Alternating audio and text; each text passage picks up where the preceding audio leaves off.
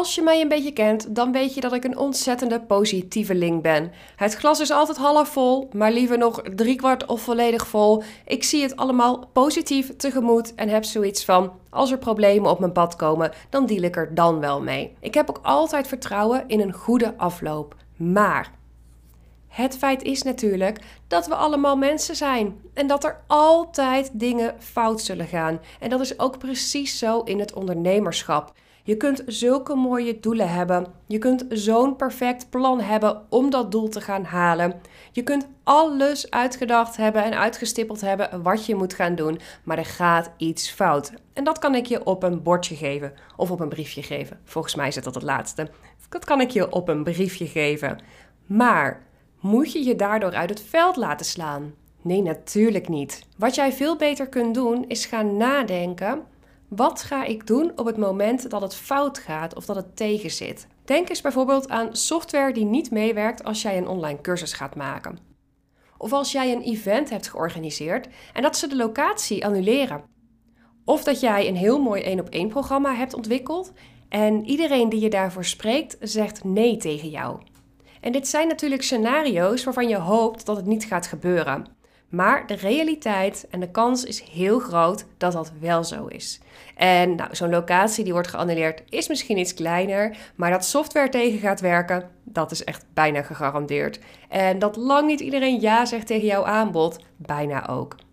Dus het is dan heel waardevol om na te gaan denken: wat zou ik kunnen doen op het moment dat deze situatie zich voordoet? Je zou bijvoorbeeld al kunnen nadenken: als ik ga struggelen met software, ga ik naar YouTube toe en ga ik tutorials zoeken. Want YouTube staat vol met uitleg rondom software. Als die eventlocatie wordt geannuleerd, dat je alternatieve locaties gaat zoeken in een straal van zo'n 10 kilometer rondom je huidige locaties. Misschien hebben ze ergens nog wel beschikbaarheid voor jou. En tegen de mensen die nee hebben gezegd tegen jouw aanbod.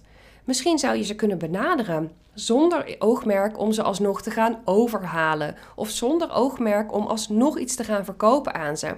Maar ga eens heel oprecht met een open blik naar de nee-zeggers toe en vraag: wat is nu de echte reden dat jij nee hebt gezegd? Als jij hier nu naar luistert, dan denk je misschien: nou, dat is wel heel erg voor de hand liggend, hè, Phyllis? Het is nou niet heel erg moeilijk bedacht. Maar dat is juist het punt. Als je er van tevoren over nadenkt, is het helemaal niet zo ingewikkeld is het niet zo complex of moeilijk en is het ook helemaal geen ramp.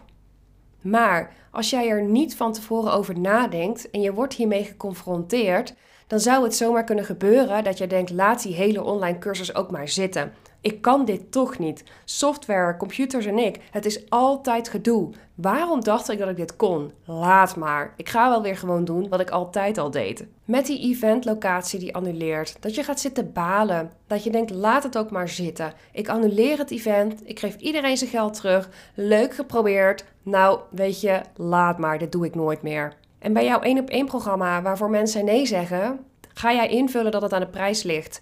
En dan denk je, nou dan gooi ik mijn prijs maar omlaag, want ik weet zeker dat dat de oorzaak is. Terwijl dat misschien helemaal niet de reden is. Op dat soort momenten, als jij pas in de heat of the moment gaat beslissen hoe deal ik hiermee, dan ga jij oplossingen verzinnen die eigenlijk geen oplossingen zijn. Dan ga je vluchten. Dan gooi je de handdoek in de ring. Hoe zonde is dat? Dus het kan heel waardevol zijn als jij een nieuw project gaat uitwerken. Als jij met het nieuws gaat beginnen. Als jij op een andere manier gaat werken dan je gewend bent. Dat je van tevoren gaat nadenken: wat kan er fout gaan? Wat kan er tegen zitten? En dat je vooral dan gaat ook noteren voor jezelf, gaat opschrijven hoe ga ik daarmee om? Want op het moment namelijk dat die situatie zich voor gaat doen, kun jij daarnaar kijken? Kun jij teruggrijpen van wat heb ik toen gezegd dat mijn oplossing ging zijn? Hoe zou ik ermee gaan dealen? En dan zie je daar het antwoord van de rationele jij, die nog niet is beïnvloed door emotie, die nog niet is beïnvloed door wat er allemaal al is gebeurd. Nee, je ziet daar het antwoord, de manier om ermee op te gaan van de jij die er helemaal zin in had. Van de jij die helemaal aan het begin stond van dit proces en dacht: ik ga hier een kei groot succes van maken. En je zit je eigen groei in de weg als jij dit niet doet. Als jij je laat overrompelen en dan beslissingen gaat nemen. En om te voorkomen dat ik zelf, maar ook mijn klanten in dit soort scenario's gaan belanden, laat ik ze in stap 4 van de Head to Reality methode al nadenken van wat zou er allemaal fout kunnen gaan op weg naar jouw doel. En dat heeft helemaal niks te maken met doemdenken.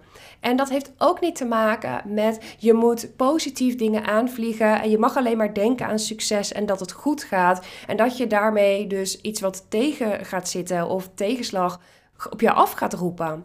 Nee, dat is het niet. Het is gewoon realistisch zijn. Want je kunt niet ervan uitgaan dat alles mee zit. We leven niet in een fantasiewereld. We leven niet in een sprookje. En er gaan dingen gewoon niet zoals je het hoopt. En dan kun je je kop in het zand steken van tevoren. Of je kunt zeggen: Ik ga daar ook gewoon serieus over nadenken. Want ik ben een ondernemer die ook de realistische kant van de hele ondernemerschap inziet. En ik weet dat hoe hard ik ook werk en hoe goed ik mijn best ook doe en hoe goed ik alles ook op de rit heb, het kan fout gaan. En dat maakt jou toekomstbestendig.